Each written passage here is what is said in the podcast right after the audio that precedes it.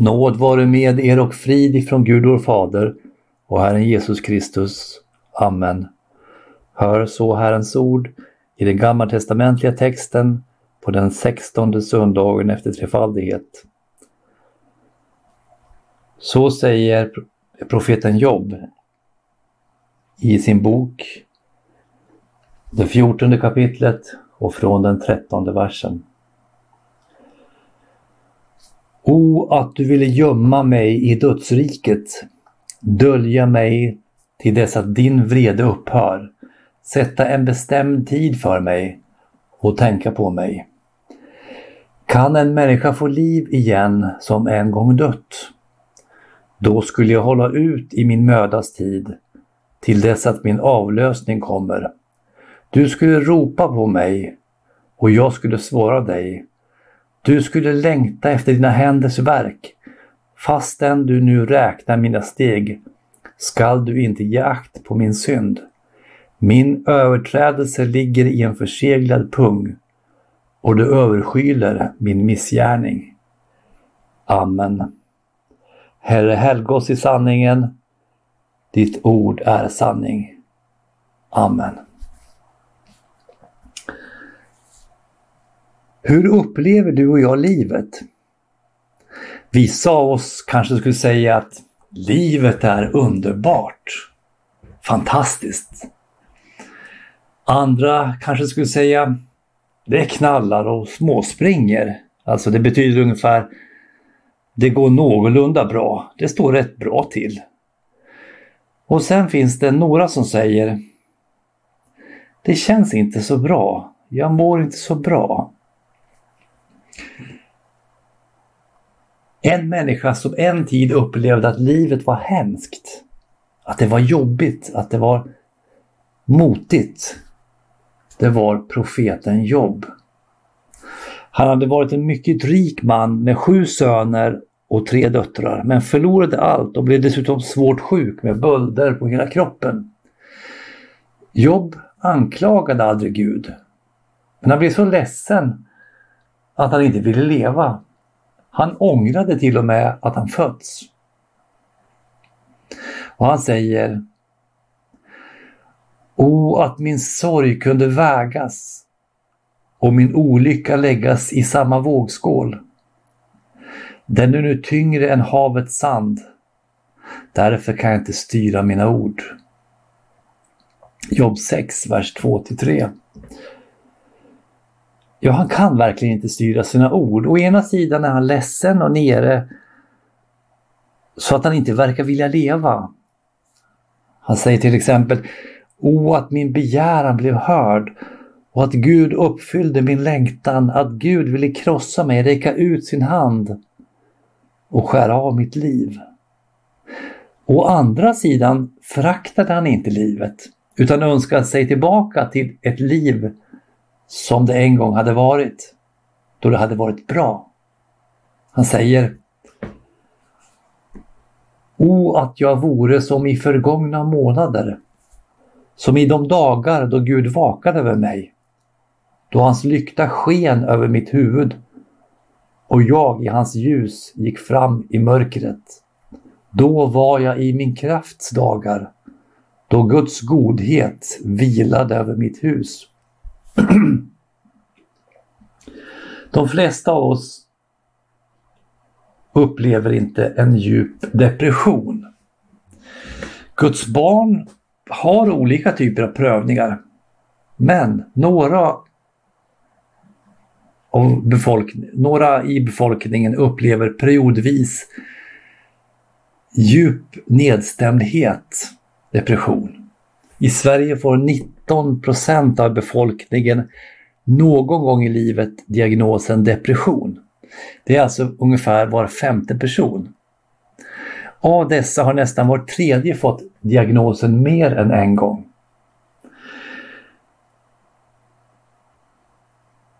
Ibland blir man nere på grund av olika livskriser. Det kan vara en skilsmässa. Det kan vara någon nära anhörig eller vän som har gått bort. Det kan vara egna misslyckanden. Att man inte lyckas vara en perfekt far eller mor eller barn. Eller make eller maka. Att man har förlorat ett jobb. Eller drabbas av ensamhet. Man drabbas av sjukdom eller handikapp. Och vissa blir nere för att man har en kemisk obalans i hjärnan. Vi kan inte säga om Job hade en depression, men han är väldigt ledsen. Han hade lidit förlust både av allt han ägde, av anhöriga och han hade problem med hälsan som någonting som plågade honom. Men allra mest var han bekymrad för att han visste att Gud har allt i sin hand. Och att Gud faktiskt tillät att allt detta hände.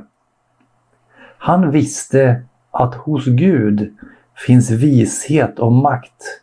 Hos honom finns råd och förstånd. Jobb 12, vers 13.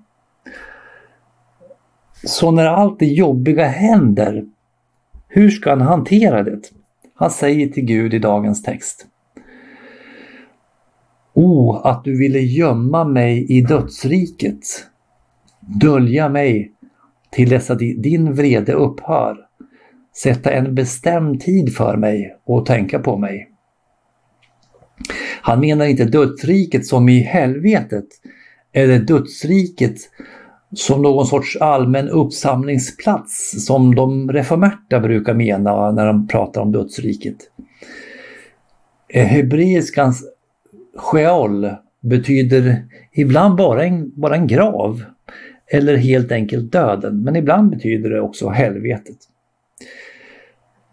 Göm mig i graven eller i döden, säger alltså den bekymrade Jobb. Till dess att din vrede upphör. Man kan inte komma undan att mycket av olycka och elände som drabbar världen, att det helt enkelt är ett uttryck för Guds vrede. Inte så att Gud alltid straffar vissa enskilda som förtjänade mer, men så att lidandet sammantaget är vad som slår tillbaka mot mänskligheten för alla människors synder överallt. Men självklart så kan Gud också straffa enskilda nationer som man gjorde med Kanan eller, eller enskilda personer som man gjorde med kungen i Tyrus eller Herodes Agrippa. Apostlagärningarna 12, vers 20-23. Men oftast har eländet, lidandet som drabbar människor inte med att det är värre med en person än någon annan, alltså rent som, som syndare.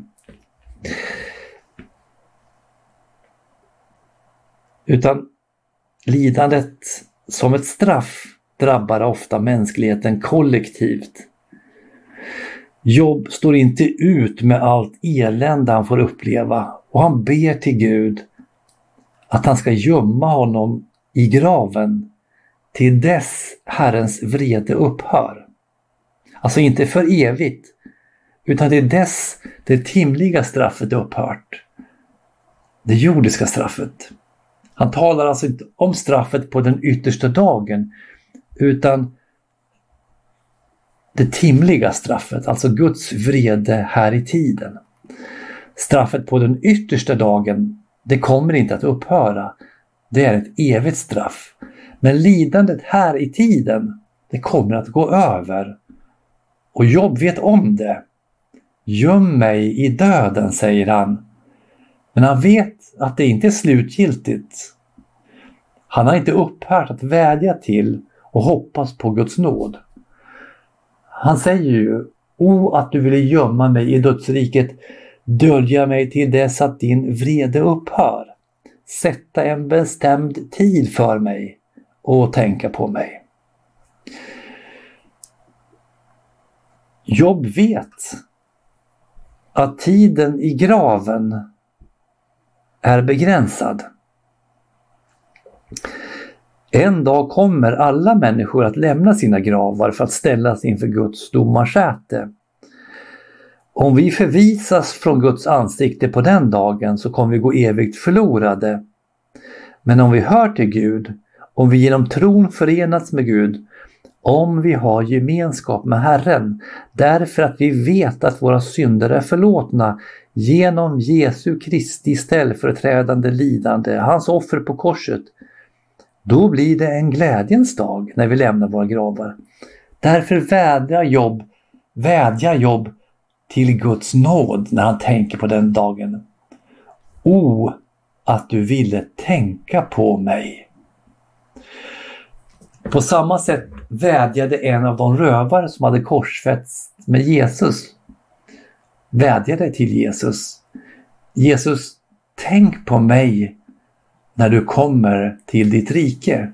Och Jesus hade svarat honom. Amen säger dig, idag skall du vara med mig i paradiset. Jobb talar om att Gud bestämmer en tid. Och samma, samma sak säger aposteln Paulus till folket i Aten. Han har fastställt en dag då han ska döma världen med rättfärdighet genom den man, det vill säga Jesus, som han har bestämt till det sedan han erbjuder tron åt alla genom att uppväcka honom från de döda. Apostlagärningarna 17 och vers 31. Tänk på mig, kom ihåg mig, säger Job till Gud. För han vet att när Guds vrede faller över världen i hans timliga domar, när det jordiska lidandet drabbar, så har det alltid ett slut. Kanske tänkte han på, på Noa när syndafloden hade, hade dränkt en hel värld med människor och djur, så läser vi. Men Gud tänkte på Noa och på alla vilda djur och alla boskapsdjur som var med honom i arken. Och han lät en vind gå fram över jorden så att vattnet sjönk undan. Djupets källor och himlens fönster stängdes och regnet från himlen upphörde. På den yttersta dagen så sker det som Jesus talar om. Förvåna er inte över detta, ty den stund kommer då alla som är i gravarna skall höra hans röst och gå ut ur dem. Det som har gjort gott skall uppstå till liv och det som har gjort ont skall uppstå till dom. Denna tanke att vi en dag ska uppstå ur gravarna ger profeten Job tröst. Han skriver Kan en människa få liv igen som en gång dött? Då skulle jag hålla ut i min mödas tid till dess att min avlösning kommer. Tanken på att vi en dag ska uppstå ur våra gravar med nya förhärligade kroppar gör att vi kan stå ut i vår mödas tid under tider av smärta och lidande. Jobb pendlar hela tiden i sin beskrivning, precis som den plågade människan pendlar i sina känslor. Det går fram och tillbaka därför att vi har två naturer. Vi har en del av oss som vill ge upp och vi har en del av oss som håller fast vid Guds godhet och nåd och hoppet om nytt liv. Han har nyss sagt att han önskade gömma sig i graven. Nu säger han att i ljuset av sanningen om uppståndelsen på den yttersta dagen, att han ändå kan stå ut. Han säger, då skulle jag hålla ut i min mödas tid till dess att min avlösning kommer. I det nittonde kapitlet blir han ännu tydligare. Jag vet att min återlösare lever och som den siste skall han träda fram över stoftet. När sedan denna min sargade hud är borta ska jag i mitt kött skåda Gud jag ska själv få skåda honom med egna ögon ska jag se honom, inte med någon annans. Därefter trånar jag i mitt innersta Jobb 19, vers 25-27. Vi ska inte försöka rymma från smärtan utan med jobb hålla ut i min mödas tid till dess att min avlösning kommer. Avlösning är egentligen inget konstigt ord. Vi har det i modern svenska. När en arbetare gjort sitt arbetspass så kommer en avlösning. På mitt civila arbete, mitt jobb, så väntar vi i nattpersonalen på att dagpersonalen på morgonen ska ge oss avlösning. Att ska komma och byta av oss så att vi kan fara hem befriade från vårt arbete. I hebreiskan här så används för avlösning ett ord som oftast används om klädbyte. Man byter de smutsiga kläderna mot, mot nya tvättade kläder. Jobb kunde stå ut också i de mörka och jobbiga dagarna när han tänkte på att han skulle få nytt liv en dag. Detta sker på den yttersta dagen då Kristus kommer åter i härlighet. Om denna dag säger Jobb Kan en människa få liv igen som en gång dött? Då skulle jag hålla ut i min mödas tid till dess att min avlösning kommer. Du skulle ropa på mig och jag skulle svara dig. Du skulle längta efter dina händers verk. Nu uttrycker han plötsligt stark tro och förtröstan. Kristus står utanför hans grav och ropar och profeten svarar. Gud, står det, längtar efter sina händers verk. Det var ju han som hade skapat jobb. Psalmisten skriver Du har skapat mina njurar. Du sammanvävde mig i moderlivet. Jag tackar dig för att jag är så underbart skapad.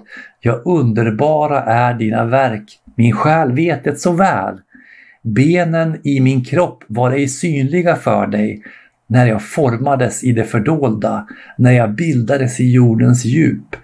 Dina ögon såg mig när jag ännu var ett outvecklat foster. Alla mina dagar blev skrivna i din bok. De var bestämda innan någon av dem hade kommit. Ja, på den yttersta dagen skall de som är i sina gravar höra Guds sons röst och komma ut ur dem. Aposteln skriver till församlingen i Kolosse. När Kristus träder fram, han som är vårt liv, då skall också ni träda fram i härlighet tillsammans med honom. Kolosserbrevet 3, vers 4. Vilken tröst är det inte? När våra liv känns allt annat än härliga. När vi har ont i kroppen eller själen, när vi känner oss ensamma, när vi är ledsna. En dag ska vi som tror på Kristus Jesus för evigt förenas med vår frälsare. Skriften säger om de troende på den dagen han skall torka alla tårar från deras ögon. Döden skall inte finnas mer och ingen sorg och ingen gråt och ingen plåga. Det, det som förr var är borta. Men hur kunde Job tro att Gud skulle längta efter honom? Han var ju också en syndare hur kunde han så frimodigt säga att Gud skulle ropa på honom och han skulle svara?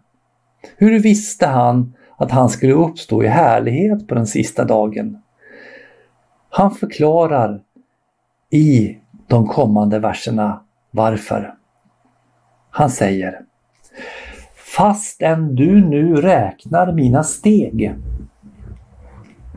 skall du inte ge akt på min synd min överträdelse ligger i en förseglad pung och du överskyler min missgärning. Vers 16 och 17.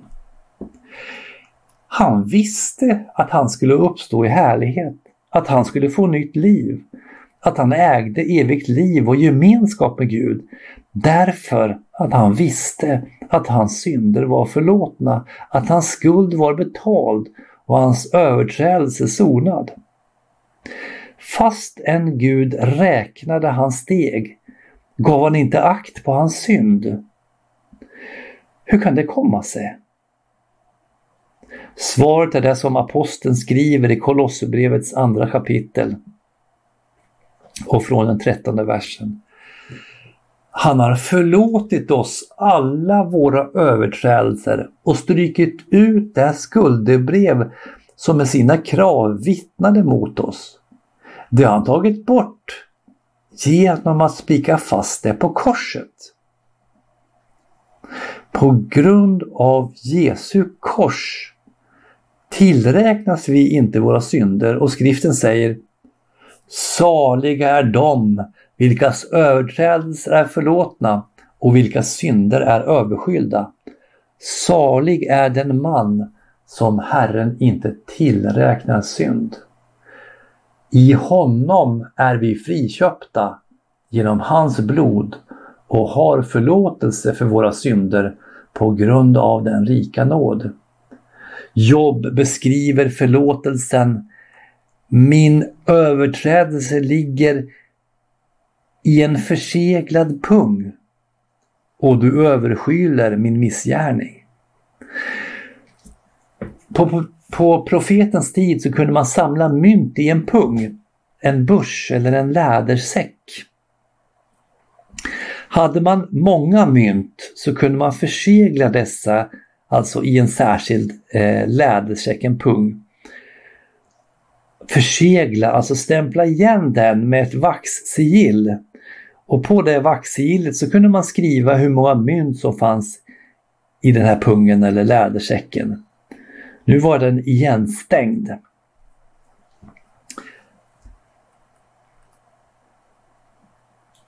Våra synder är inte synliga så att vi kan dömas för dem på grund av Jesus. Han överskyler vår missgärning. Att överskyla det betyder att täcka över. När prästerna i Gamla förbundet offrade syndaoffret så göt man blod på altaret. Det är en förebild på Jesus. Hans blod på korset har runnit för alla människors synder. Det täcker över allt det som skiljer oss ifrån Gud. Skriften säger Ni vet ju att det inte var med förgängliga ting, med silver eller guld, som ni blev friköpta från det meningslösa liv ni ärvt från era fäder utan med Kristi dyrbara blod, som är blodet av ett lamm utan fel och lyte. 1 Petrus 1, vers 18 och 19. Jobb var en plågad man med många bekymmer. Gud upprättade honom senare, han fick tillbaka mycket av det han hade förlorat. Men den här texten är hämtad mitt i hans kamp. Och i sin kamp är han delad. Å ena sidan verkar han beredd att ge upp. Å andra sidan uttrycker han en stark tro på Guds nåd och allmakt. Mitt i sina oroliga tankar så påminner han sig själv och oss om att Gud har allt i sin hand. Lidandet har ett slut. Och mitt i det onda så kan man påminna sig om uppståndelsen, om himlen och evigheten. Ja, vi kan tala frimodigt om detta eftersom att vi vet att våra synder är förlåtna genom Jesus Kristus, Guds son, vår frälsare. När vi ser på Guds kärlek och omsorg i Jesus så kan vi orka. Vi kan hålla ut och glädjas. Amen.